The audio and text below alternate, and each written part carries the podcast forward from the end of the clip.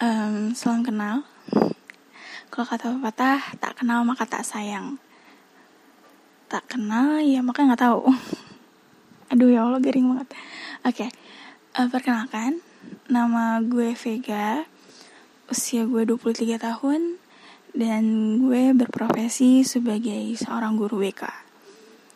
Uh, kali ini gue mau coba sharing atau cerita-cerita mumpung selama work home uh, work from home juga. Jadi kayak ya udahlah kita mengisi kegiatan sama suatu hal yang positif gitu. Terus gue pikir kayak ah gue mau cerita deh kayaknya gitu. Cerita tentang uh, kenapa akhirnya gue memilih sebagai apa ya berprofesi menjadi seorang guru gitu. Dan guru BK awal mulanya gimana? Karena um, yang gue pahami dari berbagai banyak proses ternyata ketika kita memilih masa depan kita kita milih um, profesi apa sih yang mau kita jalanin pekerjaan apa sih yang mau kita lakuin gitu.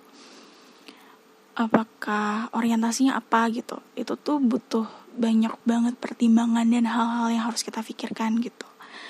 Ya baik mau prosesnya sampai akhirnya gue kayak uh, oke okay, menemukan kayaknya gue milih jalan untuk ini deh untuk sebagai profesi gue ke depannya kayak gitu. Awalnya awal mulai banget sih sebenarnya dari ketika gue kecil ya sekitar kelas 6 SD mau SMP lah waktu itu ceritanya.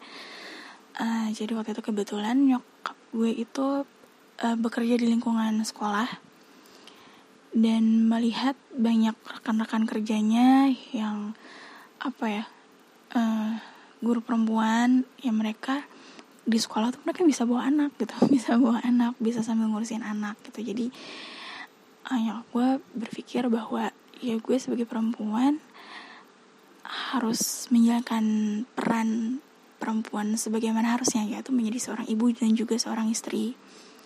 Jadi yang waktunya nggak terlalu tersita banyak banget gitu. Hmm, terus akhirnya nyokap gue mulai mengarahkan kayak uh, jadi guru aja gitu. Karena diajak diskusi A B C gitu. Ya mulai diajak ngobrol-ngobrol juga gitu deep talk. Uh, lalu pas udah di SMP itu masih mikir kan kayak iya nyokap gue nyaranin gue jadi guru tapi guru apa ya? gitu. Karena ngerasa kayak gue pinter juga nggak pinter-pinter banget gitu. Gak punya suatu hal yang spesifik expert gitu misalkan kayak matematika atau IPA atau misalnya bahasa Indonesia atau apa gitu. Ya pokoknya kalau pelajaran yang eksak gitu kayak udah matematika IPA kayak udah oke okay, angkat tangan deh kayaknya enggak gitu deh. Guru bahasa Inggris atau misalkan guru bahasa Indonesia mikir-mikir lagi juga gitu. Kayak mampu nggak ya? Bisa nggak ya? gitu. Sampai akhirnya pertama kali di SMP itu ada guru BK jadi waktu itu guru BK pertama kali tahu itu tuh ada di SMP guru BK tuh guru apa sih gitu kan? Masih belum bisa menemukan esensi seharusnya guru BK itu seperti apa. Karena waktu itu ketika SMP ya ya peran guru BK-nya sebagai apa ya yang yang ditangkap ya ditangkap ketika masih kecil itu masih usia sekitar hmm, 13 tahun 12 tahun guru BK ya cuman apa ya hmm, memberikan um, kayak arahan terus membahas tentang isu-isu yang ada tentang remaja kayak gitu. Suatu hal yang gue mikir kayak oh kayak kayak gue bisa deh untuk ini mah gitu. Akhirnya milih lah kayak aku mau jadi guru BK deh makanya kelihatannya gampang. Saat itu waktu masih SMP gitu. Udah udah kayak kayak aku mau jadi guru BK deh gitu. Sebenarnya bukan ngeliat perannya sebagainya. Cuman kayak ya tanggung jawabnya. Namanya juga masih kecil aja jadi bisa tanggung jawab yang kayak gampang gitu. Jadi kayak udah deh gue milih itu aja gitu. Terus ya udah sampai selama proses dari SMP itu tiga tahun itu kayak di apa ya diarahin aja sama nyokap gue. Nyokap gue mulai nanya-nanya juga ke kerjanya yang saat itu guru BK kayak oh iya kalau jadi guru BK nanti ngambil pendidikannya ini misalkan bisa psikologi bisa bimbingan konseling. Terus waktu itu hmm, rekan kerja nyokap gue tuh menyarankan kayak oh kalau ngambil BK nanti di UPI kayak gitu kan di Universitas Pendidikan Indonesia di Bandung kayak gitu. Nah udah udah udah kayak apa ya udah mulai oke okay nih oke okay, gue mau ngambil profesi ini deh gitu nantinya cita-cita gue ke depannya. Uh, naik lagi lanjut ke tingkat SMA di SMA itu mulai uh, apa ya mulai searching searching mulai nyari nyari terus juga nanya ke guru BK waktu itu.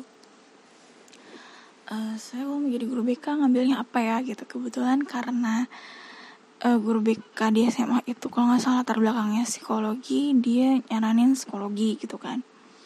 Terus uh, gue juga mulai nyari-nyari searching-searching perbedaan antara psikologi sama bimbingan dan konseling itu tuh apa sih? Kayak gitu. Ternyata um, waktu itu kesimpulan yang gue dapat adalah psikologi itu lebih menyeluruh lebih banyak prospeknya juga kayak gitu. Jadi impiannya kayak aduh kayak gue ngambil psikologi aja deh kayak gitu. Terus semakin um, tingkat lagi kelas 2 SMA makin banyak referensi-referensi yang gue terima. Kayak kayaknya broadcaster juga oke okay deh gitu. Broadcaster juga oke. Okay. atau misalnya um, jadi di HI kayaknya enak di seru ya. Karena kebetulan teman gue ada yang ayahnya diploma diplomat. Dia dari Rusia terus kayak cerita uh, tentang pekerjaan ayahnya. Kayak gila ya anaknya kayaknya jadi diplomat gitu. Keluar negeri gratis gitu kan. Tinggal di luar negeri gratis juga akhirnya labil lah tuh labil antara beberapa pilihan. Terus um, sempat kenapa pikiran buat ambil broadcasting juga karena um, atau ilmu komunikasi jujur dulu dari kecil gue tuh sebenarnya suka banget buat ngobrol. Kayak kalau kalau kalau diceritain tuh katanya ketika gue kecil suka ngomong sendiri. Serem ya. Cuman ya kayak imajinasinya tinggi banget sih sebenarnya. Jujur aja kayak gue uh, bisa waktu kecil tuh ngebayangin lemari baju gue jadiin rumah-rumahan buat mainan boneka Barbie Barbian gitu. Terus Barbie Barbiannya dari pulpen. Imajinasinya tuh tinggi banget sumpah. Oke okay. uh, jadi kayak ngelenceng ya. Lanjut lagi kita. Akhirnya kepikiran buat uh, mau komunikasi pengen berada di dunia broadcasting aja kayaknya seru. Entah itu gue jadi penyiar radio atau mungkin jadi hmm, kreator cerita kayak gitu. Jadi banyak labelnya lah gitu. Terus ternyata pas kelas 2 SMA itu mulai diarahkan kayak kalau ngambil jurusan kuliah tuh um, banyak pesaingnya gitu. Karena kayak lo prodi ini pesaingnya berapa kemungkinan masuknya berapa gitu. Jadi mulai-mulai labil-labil lah gitu. Makin bingung mau jadi apa sebenarnya. Ditambah juga um, ada rasa apa ya ada rasa kayak karena nyokap gue single parent nyokap gue single parent dan gak mau menyusahkan keluarga dan orang tua kayak oke okay, gue harus dapat negeri gitu. Jadi waktu itu mindsetnya dah ya udah deh gue yang penting masuk negeri jurusannya apa aja gampang lah nanti gitu kerja gitu kan banyak kok yang kerjanya juga mereka nggak sesuai sama jurusan mereka gitu. Dalam proses perjalanan itu akhirnya gue memutuskan untuk fokus di dua uh, jurusan. Akhirnya balik lagi ke jalan yang lurus milih psikologi atau enggak BK jadi waktu itu pilihan utamanya psikologi tetap. BK sebagai pilihan keduanya gitu kenapa? Karena setelah gue compare juga compare antara BK sama psikologi um, passion gue untuk coba untuk dengar cerita orang lain atau menjadi pendengar atau memberikan advice kayak gitu tuh kayaknya masuk di kedua ini. Bisa bisa di psikologi bisa juga di ABK gitu. Terus juga dilihat dari mata pelajaran kuliahnya mata kuliah mata kuliahnya itu. Jadi gue searching searching juga kalau di psikologi tuh hmm, pelajaran apa aja sih? BK tuh pelajaran apa aja sih? Gitu. Gitu. Mungkin orang kalau teman-teman kuliah gue um, mikir karena gue ternyata berada di jurusan dan universitas yang sama sama kayak kakak gue kayak gue masuk BK tuh hmm, karena ada advice atau cerita dari kakak gue. Mana enggak. Kayak ya nggak pernah dapet space apa apa dari dia gitu. Karena dia jarang banget sharing gitu. Kalau diajak sharing kayak apa ya? Aduh gue lupa. Udah lama banget. Udah dua tahun yang lalu. Udah berapa tahun yang lalu. Jadi gue nggak inget. Kayak gitu. Jadi kayak ya sebenarnya salah kalau misalkan seandainya banyak yang ngira enak ya kakaknya di BK gitu. Jadi um, bisa tahu ini itu gitu kan. Gak juga gitu. Karena kita yang udah ya masing-masing aja gitu. Oke kita lanjut sampai akhirnya ternyata rezekinya gue nggak dapet di psikologi gue dapetnya di BK kayak gitu. Ya udah selama proses di BK hmm, banyak hal yang gue temukan dan gue sadari. Kayak oh iya ternyata BK tuh nggak seperti yang gue bayangkan awal-awal loh gitu. Ternyata banyak banget proses yang yang yang apa ya yang yang bikin gue mikir juga gitu. Mungkin teman-teman BK pun teman-teman BK yang seangkatan sama gue atau dengar cerita di kakak kelas baik juga mereka yang akhirnya ragu gitu kayak ini tuh passion gue nggak ya? Gue tuh bisa nggak ya? Kayak gitu. Dan prosesnya ternyata banyak banget mata kuliah yang nggak gampang. Bikin stres juga gitu mata kuliahnya. Tapi um, yaudah akhirnya alhamdulillah bisa melewati uh, semester demi semester. Sampai akhirnya gue um, mulai mikir ah waktu itu ada kalau di BK itu ada kegiatan namanya PKM uh, PKM praktek praktik kegiatan mengajar atau misalkan kalau misalkan di jurusan-jurusan PKL kayak namanya ya gitu. Kalau di BK atau di Fakultas Ilmu Pendidikan di UNJ itu disebutnya PKM gitu. Uh, terus kebetulan uh, to the first um, pengalaman gue ketika jadi guru BK di PKM itu uh, cukup membuat trauma. Kayak aduh gila kayaknya gue nggak bisa deh jadi guru gitu. Karena uh, ada berbagai macam pertimbangan gitu. Kayak misalnya lingkungan kerjanya gitu. Waktu itu kenal lingkungan kerjanya yang hmm, ya menurut gue sulit lah gitu gue nggak bisa beradaptasi di situ. Terus juga anak-anaknya gitu. Gimana sih kita untuk bisa menyamaratakan dengan hmm, kelas A B C gitu? Dan kita tuh adil gitu dan kita tuh kayak sama perannya gitu. Di situ gue ngerasa gue nggak bisa kayak untuk kelas A dan kelas B gue masih um, masih apa ya saat itu tuh masih kayak gak bisa untuk menyamaratakan peran aja. Kayak gue ngerasa beda gitu. Kayak gue lebih nyaman di kelas yang lain ya gue lebih ngerasa lepas di situ dibandingkan kelas yang gak gue nyaman. Dan gue ngerasa kayak gak boleh jadi guru kayak gitu gitu. Jadi guru tuh harus ya sama aja harus harus totalitas. Jadi di situ mulai saat itu gue mikir kayak aduh kayaknya gue nggak bisa deh jadi guru gitu. Dan trauma juga jadi guru. Sampai waktu itu ceritanya uh, udah lulus kuliah udah lulus lah ceritanya lulus uh, ketemu sama dosen. Dosen tercinta banget. Namanya Kak Hilma. Waktu itu juga uh, jadi gue apa dosen pamong ketika PKM itu terus ngobrol-ngobrol terus gimana rencana ke depannya? Gitu. Udah dapat SKL kan ya? Kamu udah mulai melamar kerja belum? Gitu. Uh, di situ kayak udah mulai bingung sih. Kayak aduh mau jadi apa ya? Gitu mau kerja di mana ya? Gitu. Masih ngeliat referensi-referensi. Terus juga kebetulan kakak gue yang kita sama-sama di BK ini dia after graduate setelah lulus um, dia nggak jadi guru gitu. Dia sempat jadi guru cuma sebentar sekarang dia berada di uh, dinas pemberdayaan perempuan dan pelindungan anak di kota Bekasi. Dan kayaknya seru aja gitu. Terus gue mikir kayak apa gue di situ juga ya? Gitu di suatu lembaga entah lembaga Komnas perempuan kah gitu Komnas perlindungan anak atau misalkan di ya lembaga-lembaga gitu. Awalnya gue sempat mikir kayak gitu. Terus sharing lah sama Kak Hilma aduh aku bingung ya kak gitu.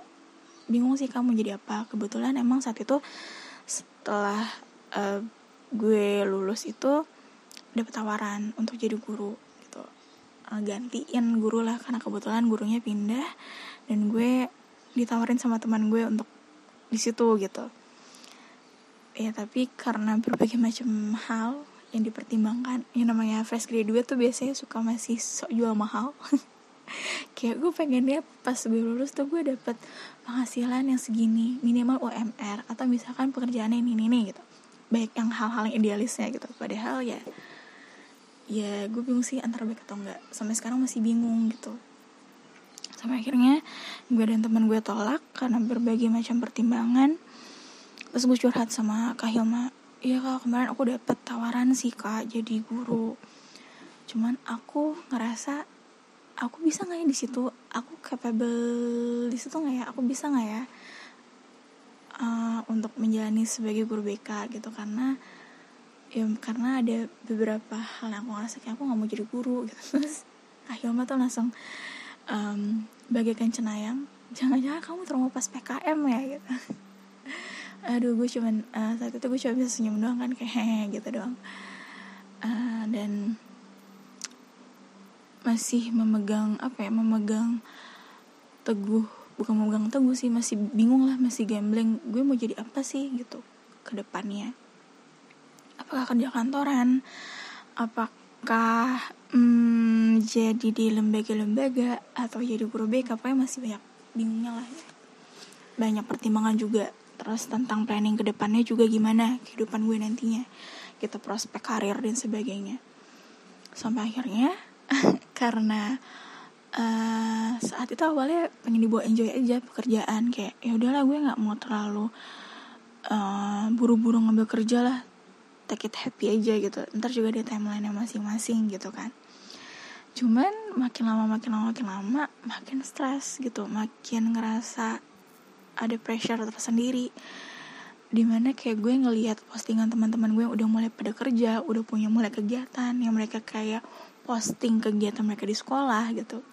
Terus gue kayak ngelihat diri gue yang kayak cuma di rumah aja nothing do something gitu. Nggak ngelakuin apa-apa.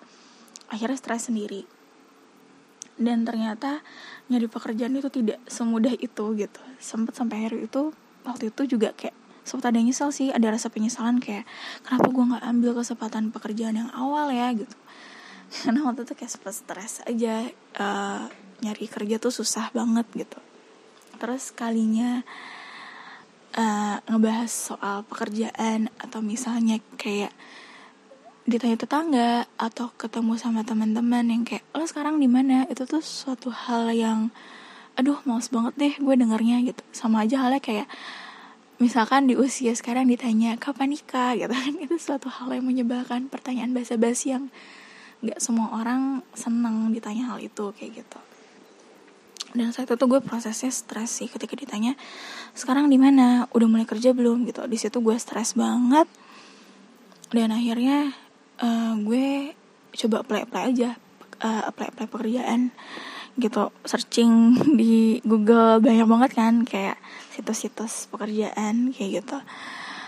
Gue searching searching di situ gue apply apply apply apply banyak banget yang gue apply karena udah saking hopelessnya yang penting gue kerja gitu kayak gue apply uh, jadi apa ya waktu itu? Trainer trainer pekerjaan gitu. Ya yang pekerjaan yang basicnya dari jurusan apa aja gue apply applyin aja gitu. Sampai akhirnya hmm, gambling sendiri bingung sendiri gambling sendiri bingung sendiri. Karena ngerasa ada waktu itu beberapa kali telepon yang nawarin untuk wawancara gitu wawancara kerja di pekerjaan kantoran. Tapi gue ngerasa justru gue yang awalnya pikir kayak kayak enak dia kerja kantoran apalagi kalau seandainya jalan di daerah Sudirman ngelihat orang-orang orang-orang yang bekerja di gedung-gedung tinggi itu kayak gila mereka keren banget nih. Kayak gitu pakai ID card. Terus ya ya ya udah kayak seru aja. Tapi ternyata justru ketika gue dapet tawaran untuk interview di situ gue ragu kayak ngerasa gue nggak ada kapabilitas di situ.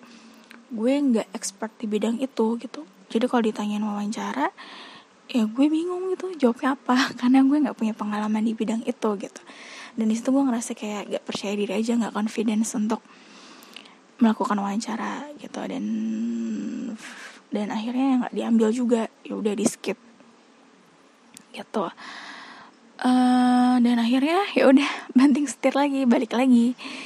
Jadi guru BK gitu atau konselor sekolah.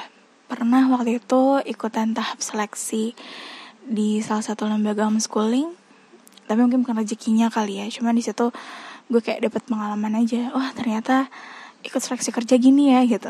Psikotes abis psikotes deg-degan pengumuman tahap selanjutnya terus langsung ada F, FG LG LGD kalau nggak salah namanya. Leader group discussion. Terus langsung uh, role play. Jadi itu kayak di satu hari full langsung tanpa persiapan. Kayak jadi pengalaman buat gue sih gitu. Terus banyak banget sih pelajaran yang gue dapet sama proses untuk mencari pekerjaan itu. Kayak kita nggak bisa untuk berharap sama satu pekerjaan aja maksudnya satu lamaran. Misalkan kayak gue waktu itu berharap banget sama hasil yang di lembaga homeschooling ini gitu. Udah kayak udah percaya diri aja confidence. Oke okay, gue kayak dapet di situ deh gitu. Ternyata emang bukan rezekinya ya justru ya stres banget. Terus akhirnya nyari lagi nyari nyari nyari nyari lagi dan uh, akhirnya alhamdulillah uh, diterima menjadi untuk menjadi seorang guru BK gitu. Di tingkat SMA pas awal-awal masuk masih mikir sih kayak ini bener gak ya jalan yang gue pilih jadi seorang guru? Gitu. Karena uh, apa ya waktu itu pas kuliah pernah dapat oh jangan cerita dari salah satu dosen Bu Meti waktu itu. Um, namanya Bu Meti. Bu Meti ini uh, sharing bahwa dia bilang kayak gini kalian ya nak tanggung jawab kalian sebagai seorang guru itu tanggung jawabnya dunia dan akhirat. Karena nanti ketika di akhirat kalian akan diminta pertanggungjawaban atas pekerjaan yang kalian lakukan gitu. Apalagi ibaratnya kalau guru BK ini ya kalian ngurusin anak orang gitu. Makhluk hidup ya maksudnya ya manusia yang mereka punya perasaan punya hati gitu. Kalau misalkan kalian salah sedikit ya tanggung jawab moralnya sangat besar gitu. Ya kayak misalkan kalau misalnya sana kita konseling kita salah ngasih advice atau kita salah ngomong ya itu harus hati-hati banget karena bisa berdampak cukup besar ke kehidupan si konselinya gitu. Jadi kayak menurut gue kayak gila ya berat banget kayak tanggung jawabnya jadi guru BK gitu. Tapi karena saat itu ngerasa kayak ya adanya pekerjaan ini ya udahlah gitu. Jalanin aja gitu. Jalanin aja jalanin aja hmm, butuh proses untuk akhirnya kayak coba bawa enjoy dan kayak ngambil makna kayak guru BK tuh seharusnya gimana ya gitu. Butuh waktu lah gitu. Sampai akhirnya on proses um, lama-lama enjoy aja jadi guru BK ngerasa enjoy. Karena waktu itu juga pernah sempat ada di fase kayak aduh hidup gue tuh tujuan untuk apa sih? Kita hidup tuh untuk apa sih tujuannya? Um, orientasi ke depannya tuh apa sih? Itu sampai ada kayak mempertanyakan tentang tujuan hidup tuh untuk apa sih sebenarnya. Um, apakah hanya orientasi orientasinya material aja? Atau apa gitu? Bingung gitu. Apa sih sebenarnya tujuan hidup gue sampai akhirnya ah oke okay.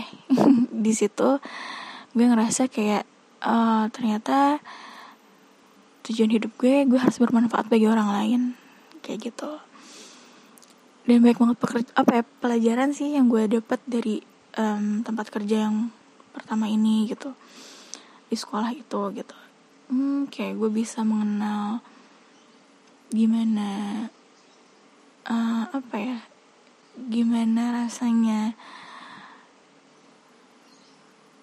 Hmm, bingung ya gue ngejelasin pokoknya banyak banget hal yang gue pelajarin lah gitu karena hmm,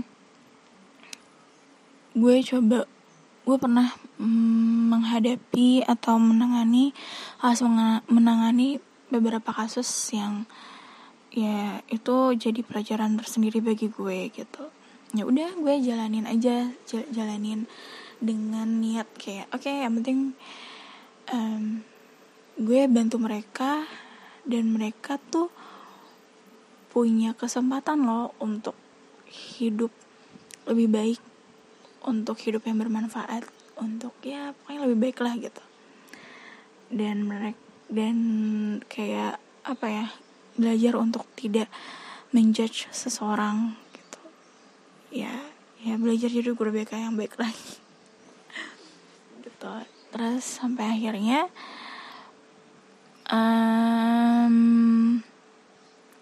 alhamdulillah dapat uh, pekerjaan lagi dan dan uh, mempertimbangkan banyak hal yang dipertimbangkan. Dan um, akhirnya pindah ke tempat kerja yang sekarang gitu.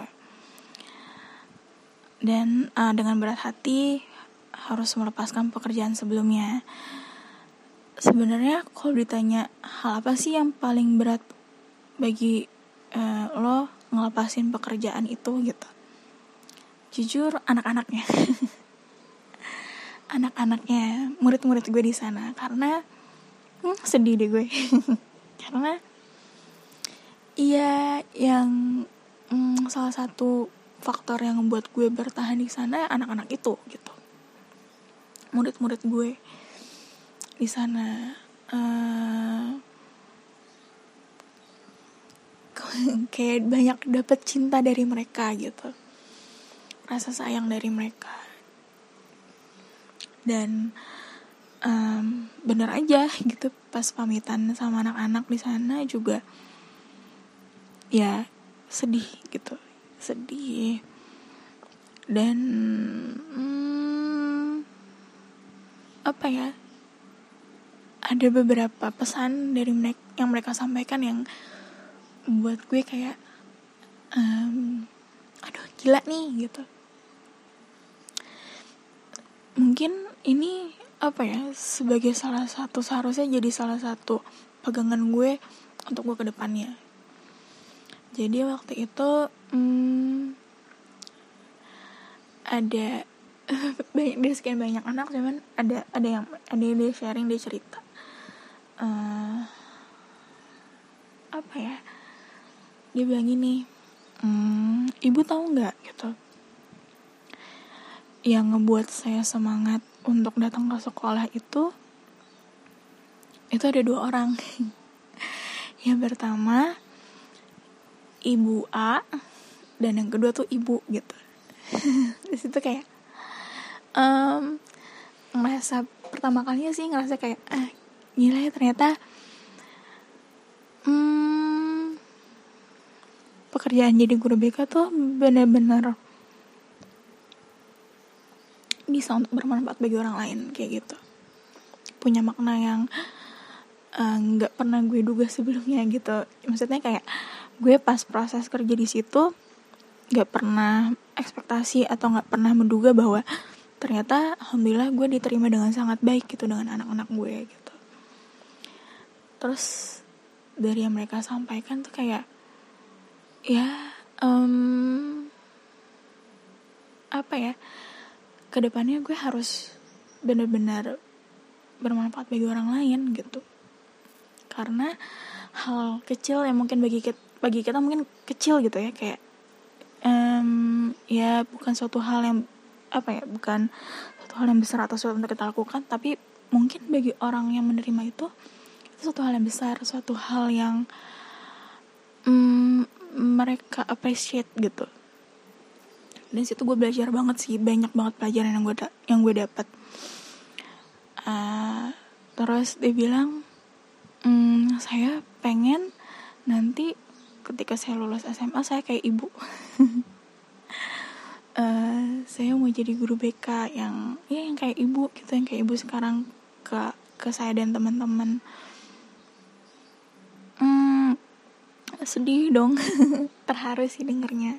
Emang ya kayak nggak menyangka aja bisa mendapatkan hmm, kata-kata cinta dari mereka gitu. Kata-kata yang bikin um, membuat untuk lebih terpacu jadi guru yang baik sih. Yang harus bagaimana guru seharusnya gitu.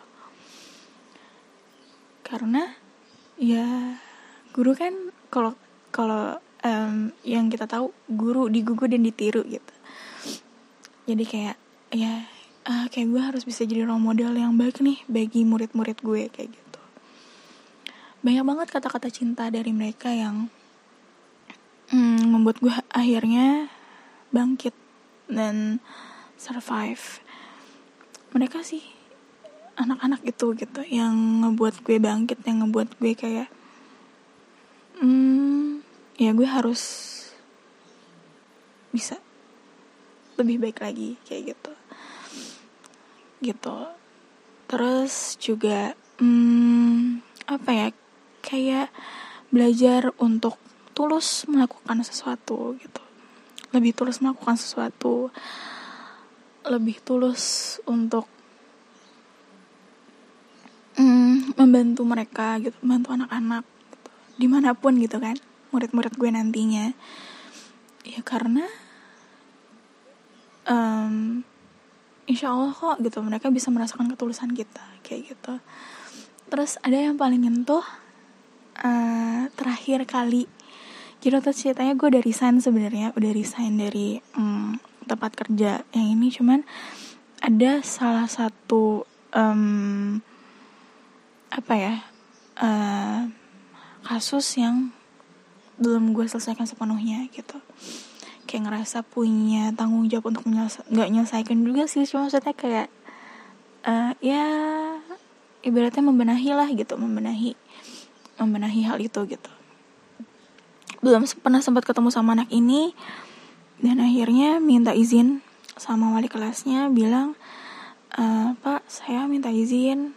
Walaupun mungkin saya sudah tidak bekerja di sini lagi dan sudah tidak sebagai guru BK uh, eh, anak ini boleh nggak saya ketemu? Gitu. Ya ya apa ya karena uh, saya ingin uh, apa ya menyampaikan hal yang mungkin yang belum sempat saya sampaikan. Gitu seenggaknya saya menyampaikan um, menyampaikan ke anak ini karena mungkin bukan sebagai guru BK lagi ya tapi ya sebagai seseorang yang percaya dan uh, sayang sama dia gitu untuk masa depan dia nanti gitu akhirnya ngobrol juga sama ibunya. Datanglah saat itu. Datang. Datang kita ngobrol ngobrol ngobrol banyak hal. Dan sampai akhirnya waktu itu uh, gue menangkap inti anak ini kenapa? Sedih juga sih sebenarnya nggak bisa menyelesa membantu menyelesaikan sampai akhir karena harus um, berpindah tugas kan. Tapi uh, setidaknya sudah apa ya sudah menyampaikan hal-hal yang ingin sampaikan gitu. Terus sekalian pamitan juga kan sama murid gue ini gitu. Sekalian pamitan dan uh, di situ uh, kita udah selesai ngobrol gue nanya kayak uh, ada nggak yang ingin kamu sampaikan mungkin? Gitu nggak apa-apa sampaikan aja. Ternyata dia menyampaikan pesan yang ingin disampaikan untuk gue sebenarnya gitu. Dia bilang mm, uh, jujur saya belum pernah menemukan guru BK yang kayak ibu. Dia bilang kayak gitu dari saya SMP sampai sekarang saya belum pernah ketemu.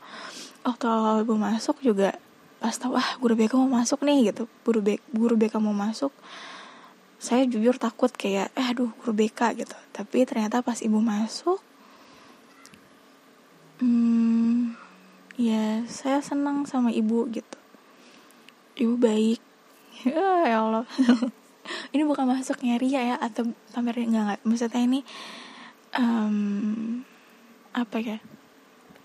Ternyata hal kecil yang kita lakukan tuh ha, bisa berkesan bagi orang lain dan itu mendalam kayak gitu.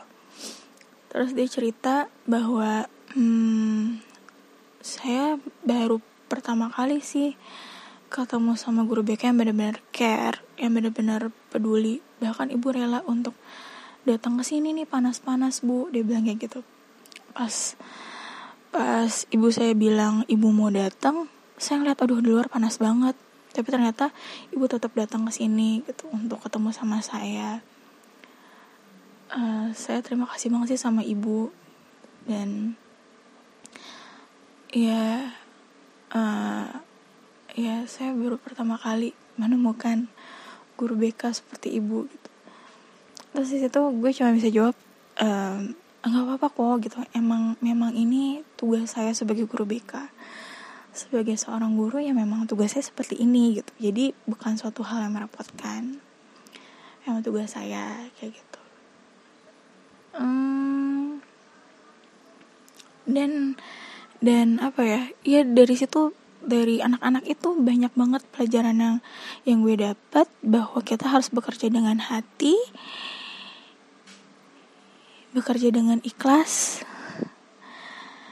Dan ya lillahi ta'ala semuanya ke Allah gitu. Dan dan sekarang tuh uh, apa ya alhamdulillah di tempat kerja yang sekarang pun uh, gue juga sering diberikan apa ya diberikan positive thinking diberikan uh, input untuk uh, ya kita tuh kerja sebagai guru tuh harus ikhlas harus tulus harus menjadikan profesi sebagai guru ini adalah sebagai ibadah sebagai sejadah panjang ke depannya gitu.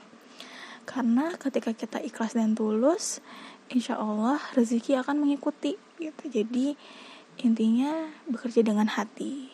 Orientasinya adalah bekerja dengan hati dan bekerja dengan semaksimal mungkin gitu. Ya di situlah akhirnya gue menemukan bahwa oke okay, ternyata kayaknya gue cinta deh jadi guru BK kayak gitu. Banyak banget ya panjang banget gak sih ceritanya? Gimana untuk bisa menemukan um, tujuan hidup tuh apa gitu? Ya akhirnya gue milih kayak oke okay, kayaknya tujuan hidup gue adalah gue jadi guru BK jadi orang yang bermanfaat bagi orang lain. Seperti itu uh, terus oh iya yeah. terus juga um, waktu itu pesan terakhir yang gue sampaikan ke anak-anak gue di sana gue bilang bahwa belajar itu nggak pernah ada habisnya selama kalian masih bisa untuk berkembang masih bisa untuk mm, menggali menemukan potensi diri kalian ya kalian harus mengejar hal itu kayak gitu. Jadi jangan sampai ketika nanti ketika kalian udah lulus udah dapat kerja oke okay, gue udah kerja udah dapat duit penghasilan penghasilan juga lumayan ya udah keep stay and stuck di zona nyaman itu. Justru hal itu malah menjadi penjara untuk diri kita sendiri. Penjara untuk kita karena kita tidak bisa mengembangkan potensi kita kayak gitu. Itu sih pesan terakhir yang gue sampaikan ke anak-anak gue. Dan itu juga sebenarnya gue kayak self talk ke diri sendiri. Gitu. Oke okay, mungkin cukup sekian uh, sharing-sharing cerita tentang kenapa akhirnya gue memilih untuk menjadi seorang guru. Dan semoga um, teman-teman yang dengerin bisa mendapat insight baru ya atau mungkin pelajaran yang bisa didapetin gitu. Ya bahwa mencari pekerjaan atau profesi bukan suatu hal yang mudah bukan suatu hal-hal yang asalan. Karena hal itu juga turut berdampak bagi kehidupan kita ke depannya. Kayak gitu.